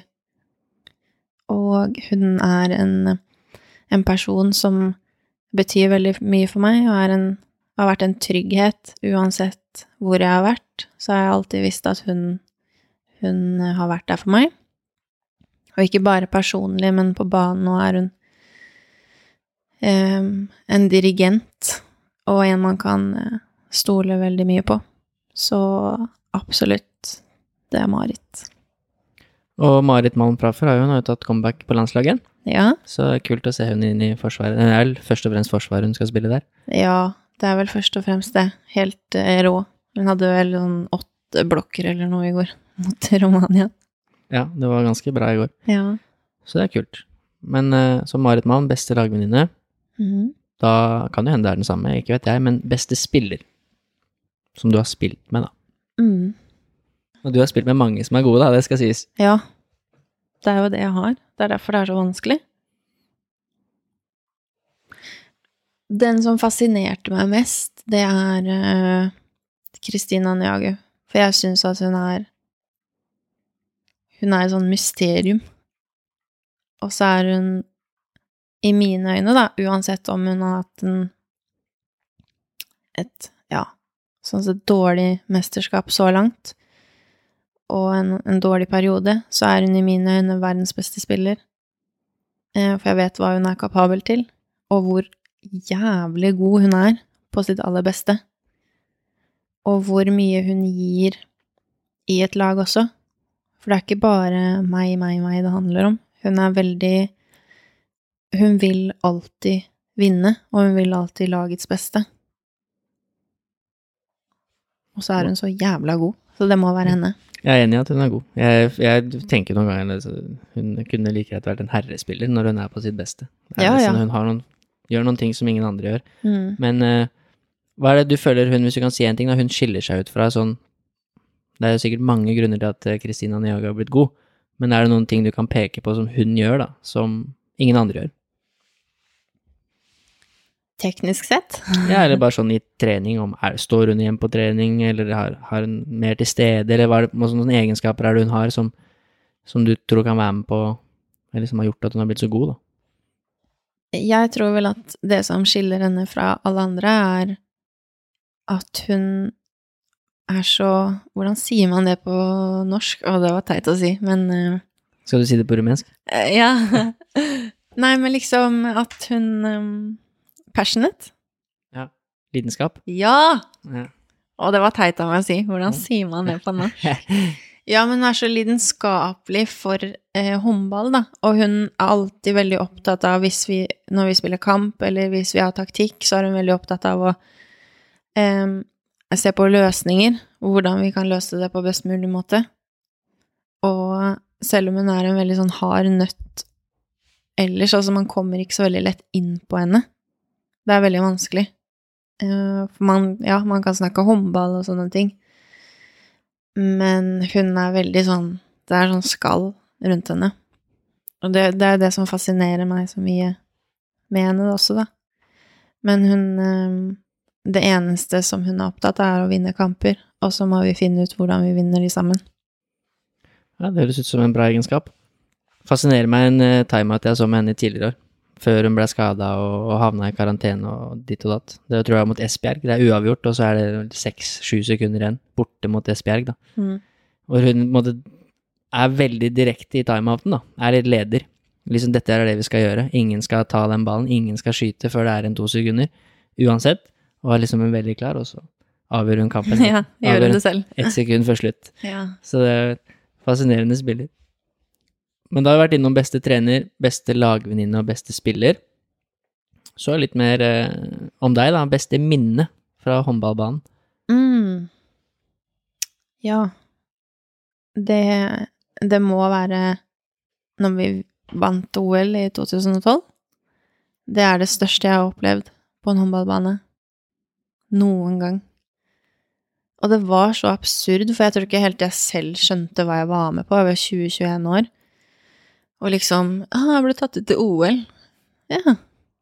Og så dro jeg dit, og det var jo helt uh, Altså Bor i en sånn landsby hvor ingen andre kommer inn, og liksom var sånne Kunne gå til McDonald's og bare få uh, Det var en veldig morsom McDonald's? Det var jo ikke der du På OL? Ja, ja, det er McDonald's uh, inne i OL-landsbyen. Ja, ja og det var en um, Det var fra nå i 2016 da, med meg og Emilie. Det var en litt morsom historie, men vi, det var en fridag, og vi hadde lyst på eh, Fikk cravings på chicken McNuggets. Så det skulle er det vi ha. Emilie Heg vi snakker om? Ja, det er det. Ja, det overrasker meg ikke sånn fryktelig mye. Så sto vi i verdens lengste kø, for det var jo alltid det var jo milevis med kø på Mækkern. Så vi tenkte nei, men eh, vi, vi steller oss i køen, for vi har så jækla lyst på McNuggets, da. Og så kom vi frem, og så var det litt sånn kommunikasjonsvansker, tror jeg, men vi skulle ha i hvert fall fire nuggets hver i sånn firepack. Og så sto vi og venta så sinnssykt lenge, og folk fikk jo liksom maten sin, og folk som sto liksom en kilometer bak oss, var liksom ferdig og gikk. Og vi bare Hva er det som skjer? Så plutselig så kommer denne personen med sånn fire bæreposer. Og så sier han ja, here you go. Og vi bare hæ? Så viste det seg at vi hadde fått 40 nuggets. Så vi hadde liksom fire bæreposer fulle med nuggets. Som vi bare ja, hva gjør vi nå? Så vi drev og delte ut da, eh, nuggets til folk som ville ha på veien hjem. Jeg tvi- tviler ikke på at det var ikke noe problem for Emilie Heg å gjøre det. Nei. Ja, det er fint sånn at eh, noen av, et av dine beste minner innebærer litt eh, chicken nuggets, faktisk, i OL-landsbyen. Ja, det var i 2016, da. Da ble det bronse. Ja, 2016, ja. Eh, 2012 var eh, Ja, jeg var den yngste på laget. Og alt var jo ekstremt nytt. Jeg visste ikke hva jeg gikk til i det hele tatt, så det, var, det er den sykeste opplevelsen jeg har hatt noen gang. Og jeg tror nok det er flere der ute som, som drømmer om å spille OL. eh, Ja. i, flere, I flere idretter. Og, så ja, det Vinne OL-gull, det er ikke alle som gjør det. Så det er kult. Eh, neste spørsmål er Du får bare gi ett tips. Beste tips, eh, eller beste Ett tips til en ung spiller, ikke nødvendigvis håndball, men en ung idrettsutøver, da, som ønsker å bli god.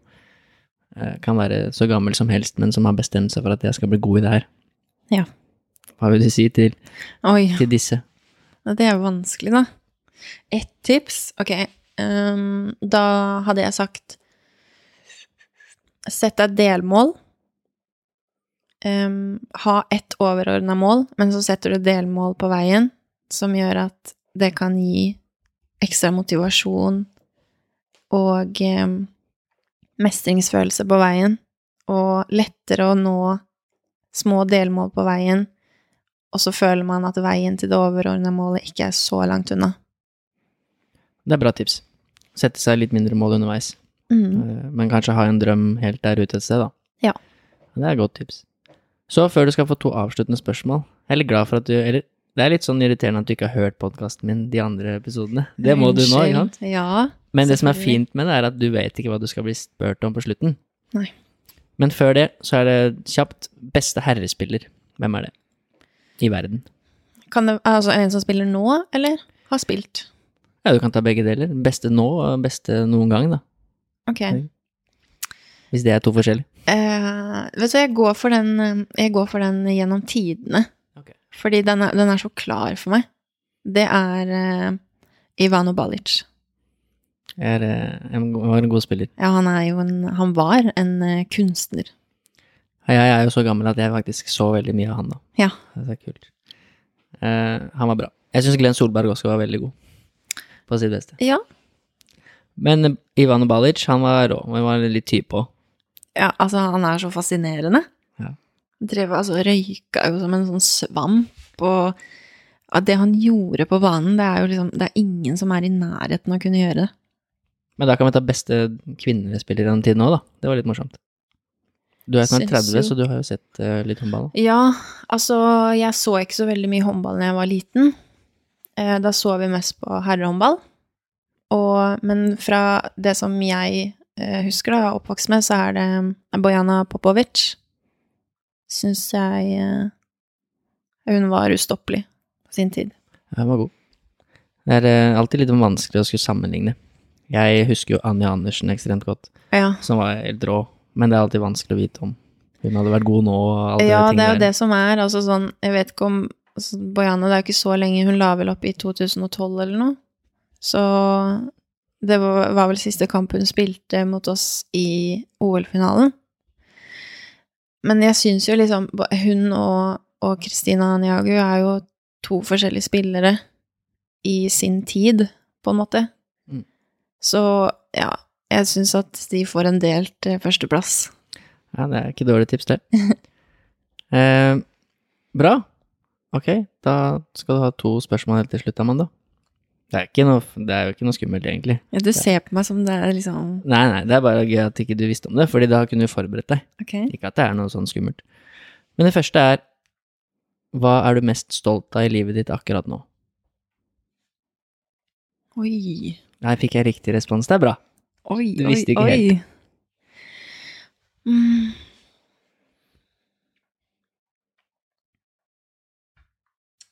Hva er jeg mest stolt av?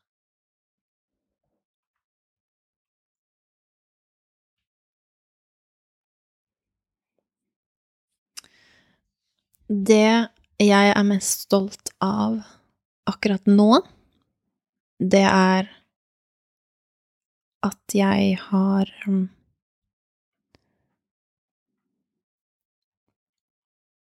At jeg på en måte har tatt tak Hvordan skal jeg si det Det som jeg er mest stolt av akkurat nå i livet mitt, er at jeg har tatt tak i min egen lykke og mitt eget liv og min egen karriere. Og um, kommet meg ut av en situasjon som ikke var sunn for meg, og stått opp for meg selv. Det har vært ekstremt krevende og en lang prosess, og som har vært veldig vond for meg. Men uh, jeg er veldig stolt av at uh, jeg har satt ned foten og ja, stått opp for meg selv. Det har du all grunn til å være stolt av. Det er ikke dum ting. Du fortalte meg litt i stad litt mer om hva det handler om, så det har du all rett til å være stolt av. Takk. Så får man jo se om, om du prater noe mer om det i fremtiden. Men eh, det er i hvert fall det. Det, er, eh, det skjønner jeg godt. Og det er det flere som burde gjøre. Stå opp for seg selv eh, generelt i verden, om man, om man må det. Neste spørsmål jeg tror jeg du kan ha litt å komme med, for du er jo litt opptatt av det, virker det som, hvordan andre har det, og at folk skal ha det bra og sånn. Så det avslutter jeg alltid episodene med, og det er hva du mener at vi medmennesker burde enten spørre hverandre om oftere, eller si til hverandre oftere. Og nå får jeg Amanda Kurtovic til å tenke litt, og det er gøy. Det er gøy.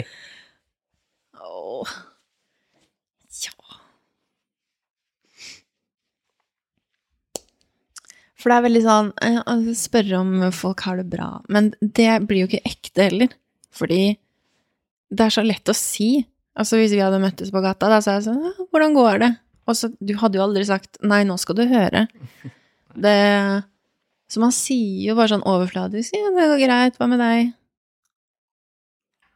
Så hva er det vi burde si? Det er flere, flere episoder som har vært inne på det her, altså.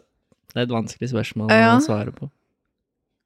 Har du blitt stilt noen spørsmål, da, eller er det noen som på en måte i den perioden du har vært gjennom, er det noen som har sagt noe til deg som du satte veldig pris på? Eller som du føler gjorde en forskjell for deg, da? Mm.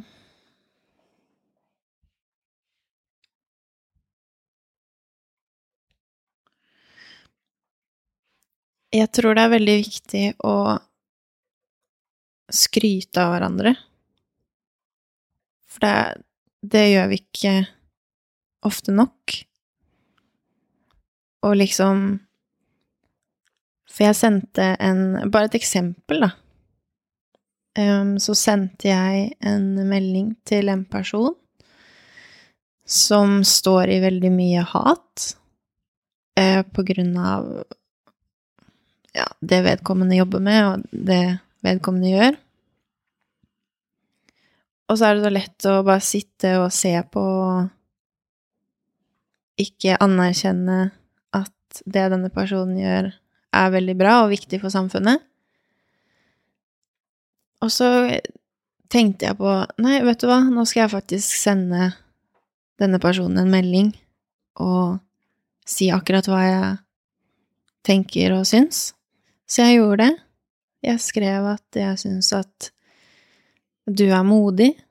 Du um, står i storm etter storm etter storm, og, men du har fortsatt Du står for de verdiene som er viktige for deg, og du gjør en veldig stor forskjell og du er et utrolig godt forbilde.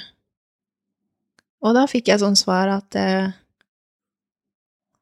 det er veldig sjeldent at um, denne personen får sånne tilbakemeldinger, får veldig mye dritt, som 'jeg hater deg, du er stygg, hvordan kan du, du mobber', og så videre og så videre. Men det å på en måte anerkjenne hverandre og gi skryt når du syns at noe er bra, og noe som du setter pris på, det betyr så mye, eller kan bety veldig mye for en person, og gjøre en veldig stor forskjell. Så egentlig bare det at man um, skryter mer av hverandre. Det er et bra tips. Og det, det, her er, det er ikke en person som du kjenner fra før, altså. Eller sånn eh, Jo, jeg, jo, det gjør jeg. Ja. Men det er ikke sånn at vi sender meldinger hver dag eller har sånn jevnlig kontakt. Men uh, vi vet hvem hverandre er. Ja, det er vel Men det er det er kult, det er uansett kult gjort å gjøre det. Det sier litt om deg som person, og jeg vil jo tro at ja, du, det svaret du fikk også var positivt, da. Sånn at det er jo en god følelse for deg òg. Ja, veldig overraskende. Altså, ble så overraska at liksom Oi, det hadde jeg ikke forventa. Men tusen hjertelig takk. Det betyr mye for meg. Og bare det å Ja, det trenger ikke å være noe sånn big deal engang. Det kan være overfladiske ting.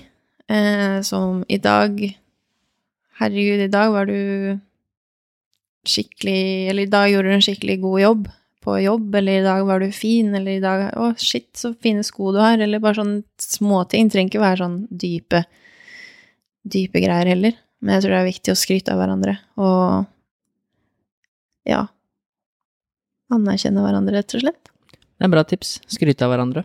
Mer når du har muligheten til det. Det er så lett å være sjalu. Alle er liksom veldig mye sjalusi. Ja. Og veldig lite skryt. Og det er så lett å liksom skal legge ut noe på Instagram og eh, skryte der. Men jeg tror at det betyr så mye mer hvis jeg hadde sagt det nå eh, over fire øyne, eller sendt en personlig melding, istedenfor at det er sånn offentlig skryt. For det er litt sånn overfladisk. Det betyr mye mer hvis du virkelig har tatt deg tid til å skrive en melding, og ja, du hører at kanskje ordene er ekte, da. Ja, det er kjempegodt tips. Så du er jo et godt forbilde. Det må du bare fortsette å være. Takk. Så det er, eh, det er sikkert noen som plukker det opp. Det er mange, jeg tipper det er mange som hører på episoden, som, eh, som vet, tror at de vet hvem Amanda Kurtovic er, da. Og så kanskje har de et litt annet inntrykk nå, eller i hvert fall vet litt mer, da. Ja. Det er andre ting som du er opptatt av, og som du driver med, og som ikke nødvendigvis er håndball. Du er Mhm. opptatt av mye annet òg. Så jeg er veldig glad for at du blei med. Tusen takk var, for eh, at jeg fikk lov til å være med. Alle disse episodene er jo lange, men det blir sånn. Ja, det er sånn det blir når man går i dybden. Det kan jeg si, da. Jeg, jeg begynte, når jeg begynte med den podkasten her, så, så had, sendte jeg ut melding til mange. Sant? Jeg har jobbet med mange som jeg hadde avtalt med, og så jeg har sendt ut melding til en haug av folk. Og mange her, man er jo nervøs for mange, liksom. Kan jeg spørre den personen her om hun kan være med på podkast? Jeg kjenner egentlig ikke den personen. nå. så det var litt sånn nervepirrende. Du var veldig positiv. Og ja. du var jo en av de som jeg var litt nervøs for å sende melding til. Litt sånn Kjenner deg ikke så godt. Og du er i håndballmiljøet som jeg har jobbet med, er du jo en, en stor Du er en stjerne, du òg. Så var det sånn Ja, jeg er litt usikker på hva han kommer til å si. Men du var jo ekstremt positiv. Du sa til og med takk for at du ble spurt og fikk være med. og- Så det var kult. ja, men det er jo en ære, da, at du syns at jeg er interessant nok til å ha min podkast. Så det må man takke for. Det blir kult. Jeg håper det er mange som vil høre på episoden. Det Også håper jeg man, man kan lage en episode kanskje om et år eller to, hvor du kanskje har litt andre ting Mhm. å, å prate om også. Oh, yes. Kapittel to. Kapittel to, ja. Så det er bare å glede seg. Ja, men lykke til, Amanda. Jeg gleder meg til å se hvor du havner hen. I likeså. Jeg håper du kommer deg til Romania. Ja, det håper jeg òg. Kommer du til Storhamar, så skal jeg bli i Norge. Ja, ok, deal. Vi får se. Men tusen takk. Takk i likeså. Tusen takk for at du har satt av tid til å lytte. Det setter jeg stor pris på, og jeg håper at du sitter igjen med noe verdifullt. Hvis du ønsker mer inspirasjon til trening og helse, følg meg, coach Elo, på Instagram. Der kan du også stille meg spørsmål, samt komme med tilbakemeldinger til podkasten. Du finner lenken i episodebeskrivelsen.